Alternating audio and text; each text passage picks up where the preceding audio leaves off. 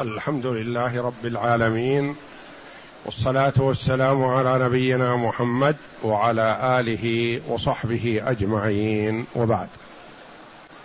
بسم الله الرحمن الرحيم.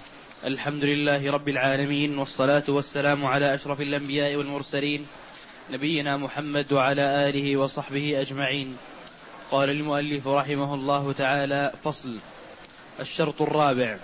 نعم. أن يكون الشخص منتقلا بعوض فأما الموهوب والموصى به فلا شفعة فيه. قول المؤلف رحمه الله تعالى فصل الشرط الرابع من الشروط التي تجب فيها الشفعة إذا شفع الشريك. أربع شروط كما تقدم لنا ولا تجب إلا بسبعة شروط. إذا توفرت الشروط صحت. وإذا اختل واحد من هذه الشروط ما وجبت الشفعة. يعني ليس المراد وجبت بأنها يعني تلزم وإنما تلزم إذا رغب الشفيع. إذا رغب الشفيع لزمت. وإلا إن أذن في البيع فتنتقل إلى من اشتراها وليس له حق الشفعة بعد هذا لأنه كما سيأتينا أن الشفعة كحل العقال يعني بشرط أن يبادر في الرغبة في الشفعة. والشروط كما ذكرها المؤلف رحمه الله تعالى سبعة أحدها أن يكون ارضا. فلا شفعة فيما ليس بعقار ولا أرض ولا دكان. إنما الشفعة في العقار لأنه يراد به الاستمرار. أما غير العقار كالملابس مثلا والأواني وغيرها فهذه لا شفعة فيها حتى لو لم تقسم بين الشريكين. كأن يكون الشريكان شريكان في قدر كبير. مثلا فباع أحدهما نصيبه فليس للأول الشفعة في هذا لأنه منقول. إن صلح هو شريكه الجديد فبها ونعمت وإن اختلفا فيباع ويستريحان من الشراكة. أو ياخذ أحدهما بالقيمة. فالشفعة لا تجب لأنها حينئذ ليس هناك ضرر. على الشريك في العين المباعة. الثاني أن يكون المبيع مشاع. أما ما كان غير مشاع كأن يكون دارين بجوار بعضهما فباع أحدهما داره والآخر رغب في أن يأخذ دار صاحبه بالشفعه فليس له ذلك. وإنما يزيد في القيمة عند العرض في البيع ويشتري كما يشتري غيره. الشرط الثالث أن يكون مما تجب قسمته عند الطلب. فإن كان من الأشياء التي لا تجب القسمة فيها فلا شفعة فيها. وهذا محل خلاف وقيل فيها الشفعة. وذلك كالبير الضيقة والرحى ونحو ذلك من الأشياء التي ما تصلح للقسمة. وهذا هو الشرط الرابع أن يكون الشقص منتقلا بعوض. أن يكون الشقص قوله الشقص يعني القسم من المبيع يعني كأن يكون اشتركا في دار لأحدهما الربع وللآخر ثلاثة الأرباع فباع أحدهما فيعتبر هذا البائع نصيبه شقص شقص من هذه الدار. إذا رغب أخذه بنفس القيمة فله ذلك. أن يكون الشقص منتقلا بعوض يعني بقيمة. وش يخرج؟ يخرج الميراث. إذا كان مثلا اثنان شريكان فمات أحدهما. فانتقل نصيبه إلى ولده وارث. ما يقول الشريك الأول أنا آخذ نصيب الولد أنا رضيت بشراكة الأب ولا أرضى بشراكة الابن فأنا آخذ نصيبه بالقيمة. أنا أقول لا لأن هذا ما بيع. ما انتقل ببيع وإنما هو انتقال إجباري في الميراث ويحل الوارث محل المورث. فأما الموهوب والموهوب نوعان. موهوب هبة طلب ثواب وموهوب تبرر. اثنان شريكان في دار. أحدهما وهب نصيبه لأخيه. يقول أخي محتاج للسكن وعنده أولاد وأنا في غنى. أهب له نصيبي من هذه الدار يسكن فيه. فما يقول الشريك أنا آخذها من الموهوب له؟ لا لأنها ما انتقلت إليه بقيمة حتى تأخذها بنفس القيمة. بخلاف الموهوب للثواب الذي وهب شيئا ما مثلا يريد أن يعطيه القيمة.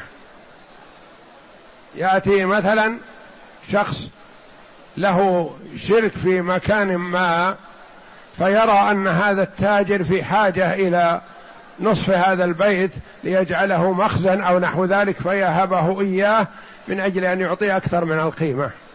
فهذا حكم حكم البيع يصح فيه الشفعة. وأما الموهوب والموصى به أحد الشريكين قال إذا أنا مت مثلا فنصيبي من هذه الدار لخالتي ونصيبي من تلك الدار لعمتي. هذا موصى به يعتبر وصية. أو نصيبي من هذه الدار يصرف ريعه على طلبة العلم أو يصرف ريعه على تحفيظ كتاب الله أو يصرف ريعه في صيانة المسجد.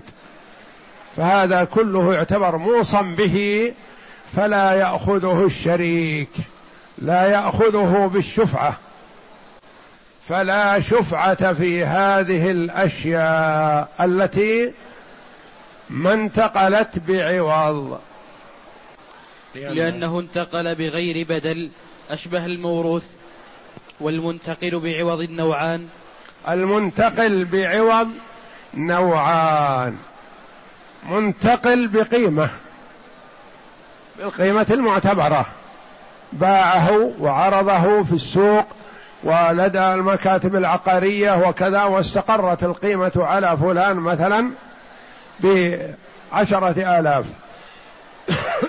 للشريك أن يأخذه بنفس القيمة بعدما يتم البيع. هذا يعتبر نوع. النوع الثاني انتقل عوض. لكن ليس قيمة أو ليس عوضا متمول.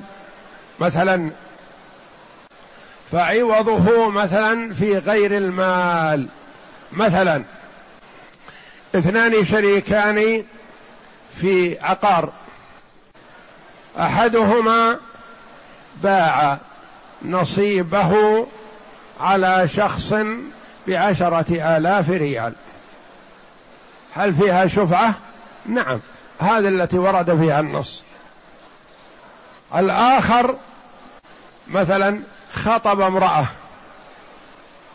ووافق أولياؤها على تزويجه وجاء لولي المرأة وقال أنا ما عندي دراهم ما عندي سيولة ولا عندي نقد أدفعه مهر. لكن هذه الأرض لي نصفها. هي مهر لابنتكم. أو هذا البستان لي نصفه. نصيبي مهر لابنتكم. هذا لا شفعة فيه لأنه غير متقوم المهر ولا يدرى هو أكثر ولا أقل لأن الناس يتسامحون في مثل هذا. فأحيانا إذا قلنا يؤخذ بقيمته فيه إضرار على المتزوج وعلى الزوجة التي سيؤخذ منها بالشفعة.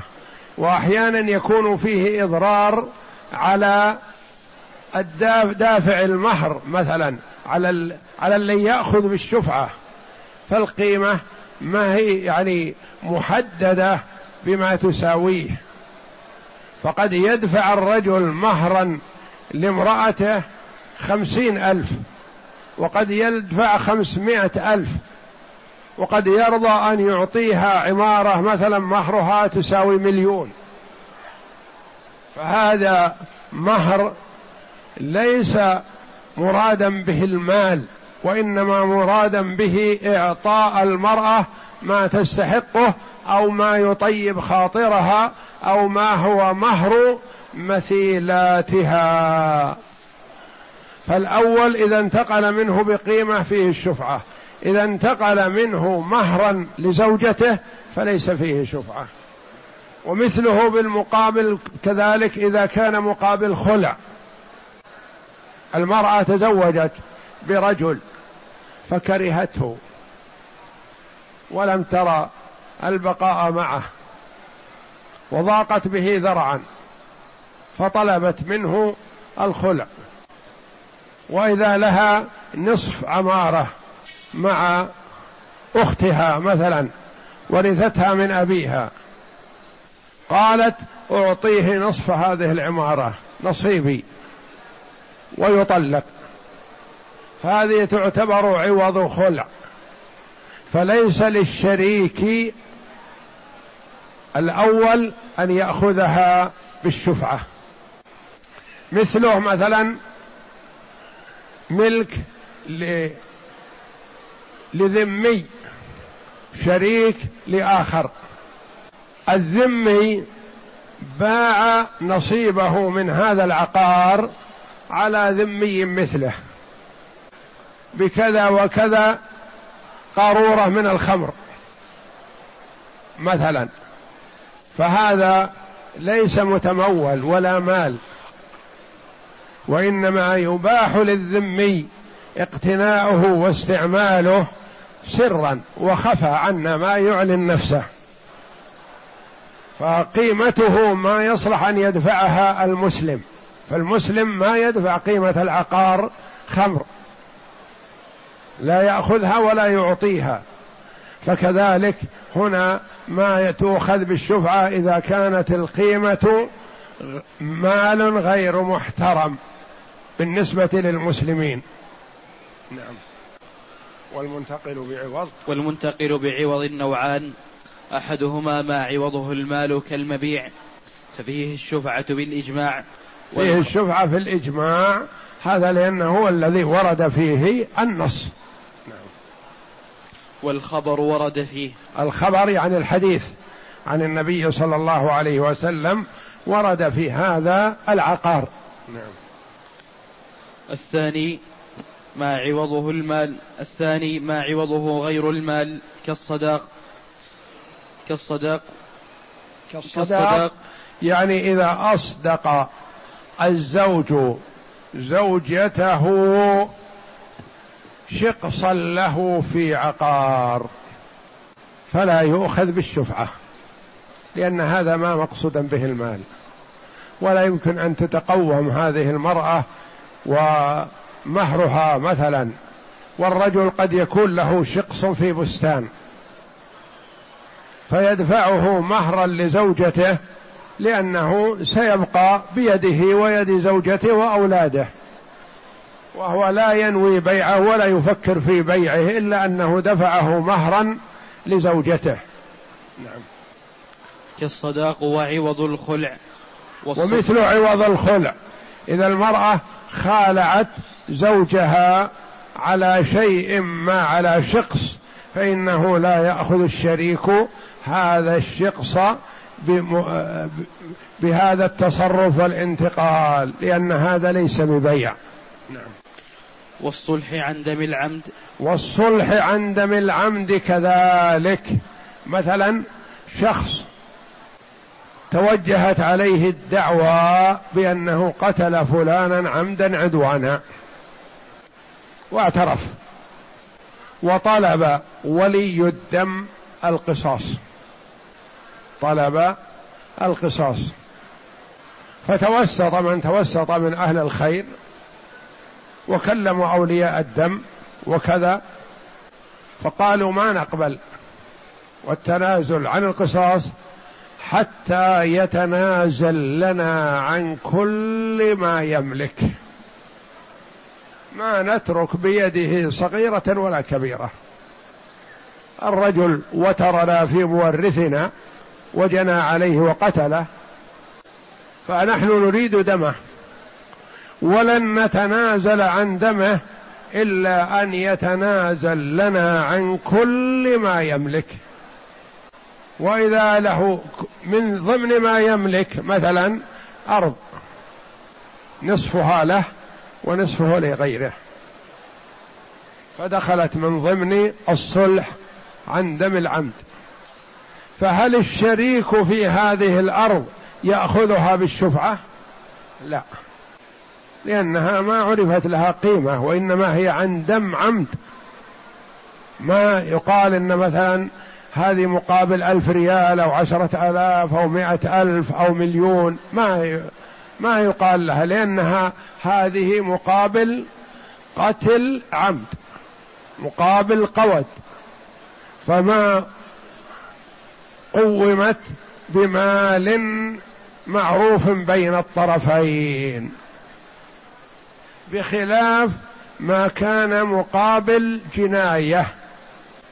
فهذه عوض عن مال معلوم متقوم. لأن هذه الجناية مثلا معروفة. جناية ليس فيها قصاص مثلا قدرت بخمسين ألف بأربعين ألف بكذا إلى آخره فيدفع شيئا ما مقابل هذا المبلغ الذي عليه فللشريك في هذه الأرض أن يأخذها بما قدرت به من المال. نعم. وما اشتراه الذمي بخمر أو خنزير فلا شفعة فيه في ظاهر المذهب لأنه كما تقدم إذا كانت القيمة خمر أو لحم خنزير أو نحو ذلك فلا شفعة فيها لأن هذه ليست متقومة وليست ذات قيمة. لأنه انتقل بغير مال أشبه الموهوب ولأنه لا يمكن الأخذ مثل العوض أشبه الموروث. وقال ابن حامد فيه وقال ابن حامد فيه الشفعة لأنه عقد معاوضة أشبه البيع. فعلى حامد رحمه الله من أئمة الحنابلة يقول فيها الشفعة لأنها ممكن أن تتقوم ممكن أن تتقوم ينظر وش قيمتها يقدرها قيمة أهل الصنف فيقال للشريك إن شئت تأخذها بالشبهة تأخذها بكذا. وإن تركتها لمن انتقلت إليه فبها ونعمت. وإن أردت أن تأخذها فهذه قيمتها. هذا له وجه من النظر. لكن يرد عليه الآخرون يقول هناك أشياء مثلا ما ينظر لقيمة هذا مقابل ذلك لأن الرجل قد يعطي زوجته أكثر مما تستحق مهرا. وقد يتنازل أولياء الزوجة عن أكثر من نصف المهر فليس متقوما بالنسبة للمهر لأن المهر حسب ما يتعارف عليه الناس واحيانا يرضى الأولياء مثلا بأقل شيء. مثلا يقول أعقد لك على بنتي مثلا بمهر قدر عشرة ريالات. مثلا. فما يدفع مقابل هذه القيمة الزهيدة مثلا ما يأخذه الشفيع. وقد يكون الخاطب غنيا وقويا ويرغب أن يكرم زوجته بعقار ذا قيمة مثلا. وقال ابن حامد فيه الشفعة لأنه عقد معاوضة أشبه البيع فعلى قوله يأخذ الشقص بقيمته. بقيمته لا بمهر المثل لأن مهر المثل قد يزيد وقد ينقص. نعم. لأنه أخذه بمهر المثل يفضي إلى تقويم البضع في حق الأجانب ذكره القاضي. وقال الشريف يأخذه بمهر المثل لأنه ملكه لأنه ملكه ببدل لا لأن مهر المثل يقول صاحب الشقص الذي يأخذه الذي سيأخذه. إذا قلنا بمهر المثل هذا يجرنا إلى أن كأننا نقوم بضع هذه المرأة مثلا بهذه القيمة. والمهر إكرامية للمرأة وليس قيمة. ليس قيمة لها وليس قيمة لبضعها وإنما هو إكرامية ونحلة من الزوج وتطيب لخاطر الزوجة وجبرا لخاطرها بأن زوجها أقدم عليها وأرخص المال من أجلها ونحو ذلك. وقال الشريف يأخذه بمهر المثل لأنه ملكه ببدل لا مثل له. يأخذه بمهر المثل قد يكون فيه إضرار على هذا وعلى هذا. لأن مثلا إذا أصدق الزوج زوجته شقصا قيمته مئة ألف وقالوا يأخذه بمهر المثل. مهر المثل هؤلاء من الناس الأخيار الذين ما يكثرون المهور عادة ويقنعون باليسير ويريدون إنما هو رمز. فيسأل عن مهور أمثال هذه الزوجة فيقال مهر أختها ومهر عمتها ومهر خالتها عشرة آلاف. والرجل أكرم زوجته بهذا الشقص على نية أنه سيسكنه هو وزوجته. فأعطاها ما قيمته مائة ألف ومهر مثله عشرة آلاف فيأخذه الشفيع بعشرة آلاف. يكون فيه إضرار على الطرفين. على الزوج وعلى زوجته. كيف يأخذ بعشرة آلاف وهو قيمته مائة ألف؟ قالوا لأن مهر مثلها عشرة آلاف. مهور العائلة بين العشرة وحولها. فما يسوق مثل هذا؟ قوله بمهر المثل هذا بعيد. فيجب الرجوع إلى قيمته. وقال الشريف. وقال الشريف يأخذه بمهر المثل لأنه ملكه ببدل لا مثل له فيجب الرجوع إلى قيمته كما لو اشتراه بعض. بعوض. بعرض. نعم. فهو أخذه دفعه الرجل لزوجته مهرا وهذا لم يكن عن طريق البيع والشراء مثلا والمساومة. فهو من باب الإكرامية. فإذا قيل مهر المثل فكما تقدم قد يكون مهر المثل عشرة آلاف والشخص هذا قيمته مئة ألف لكن الرجل جاد به لزوجته لأنه يقول ليس ببعيد. أنا أعطي زوجتي ما يطيب خاطرها. نصف هذه العمارة ونحن سنسكنها جميعا. نعم. ولا تجب الشفعة بالرد بالعيب. والفسخ والفسخ بالخيار أو الاختلاف لأنه ولا تجب الشفعة بالرد بالرد في العيب. الرجل مثلا باع هذا الشخص على رجل ما وقيل لشريكه ترغب تأخذه قال لا ما أرغب ما لي رغبة.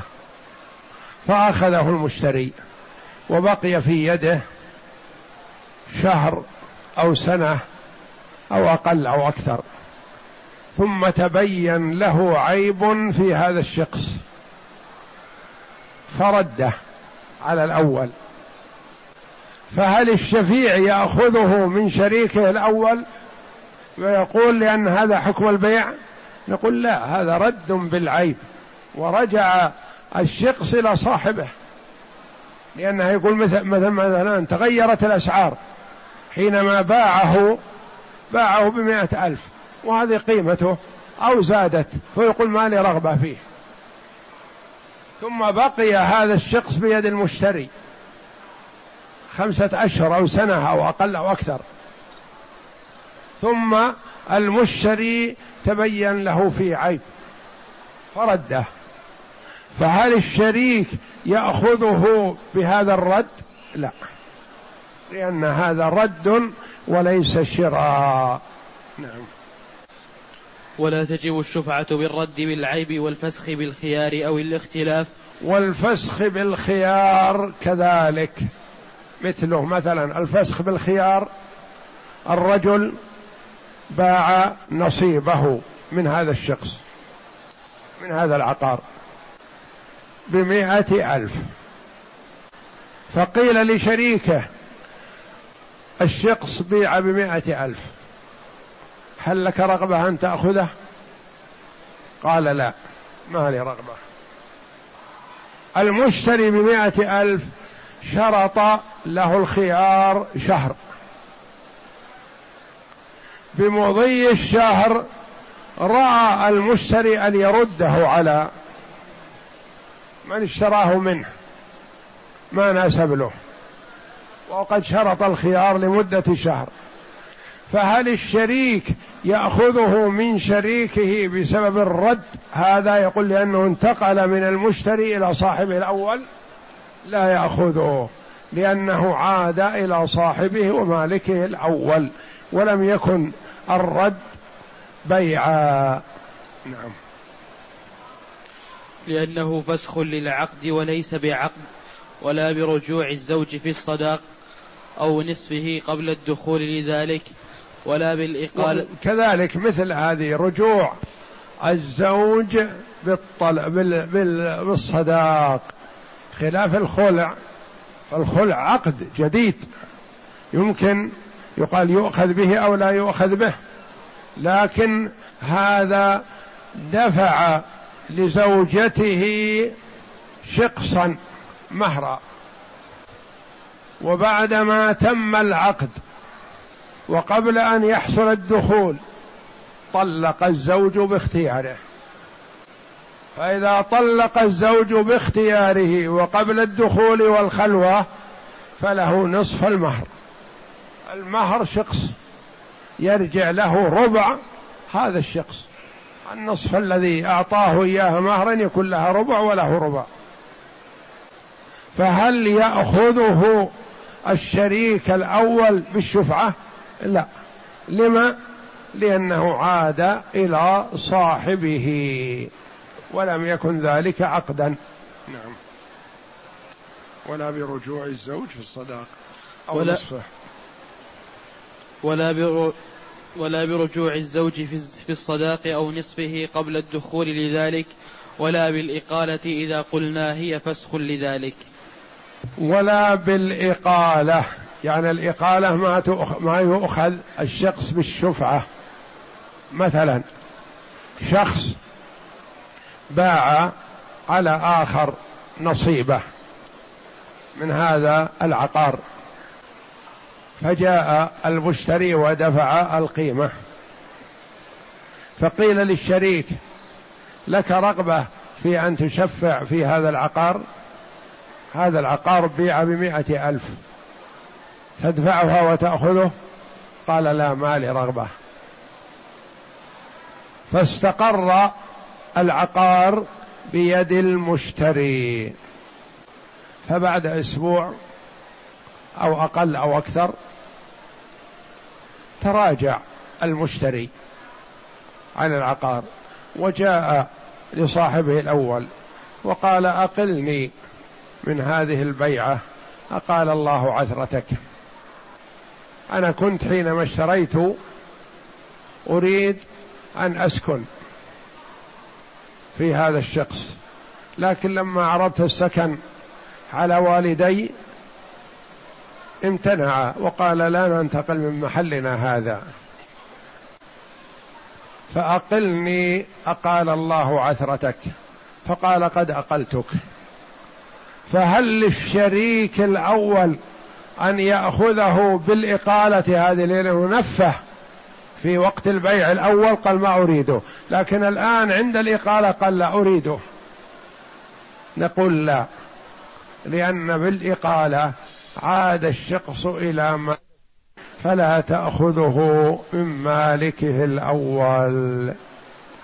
هذا إذا قلنا إنها فسخ لأن الإقالة للعلماء رحمهم الله فيها قولان. قول على أنها فسخ وقول آخر على أنها بيع ولكل حكمه. تختلف الأحوال كما تقدم في البيع والفسخ. فالإقالة قيل أنها بيع لها أحكام البيع وقيل إنها فسخ فليس لها أحكام البيع. فعند من يقول إنها بيع يقول فيها الشفعة لأن الشفعة في كل بيع. وعند من يقول لا بل هي فسخ وليست ببيع مستقل يقول لا شفعة فيها. والله أعلم. وصلى الله وسلم وبارك على عبد ورسول نبينا محمد وعلى آله وصحبه أجمعين.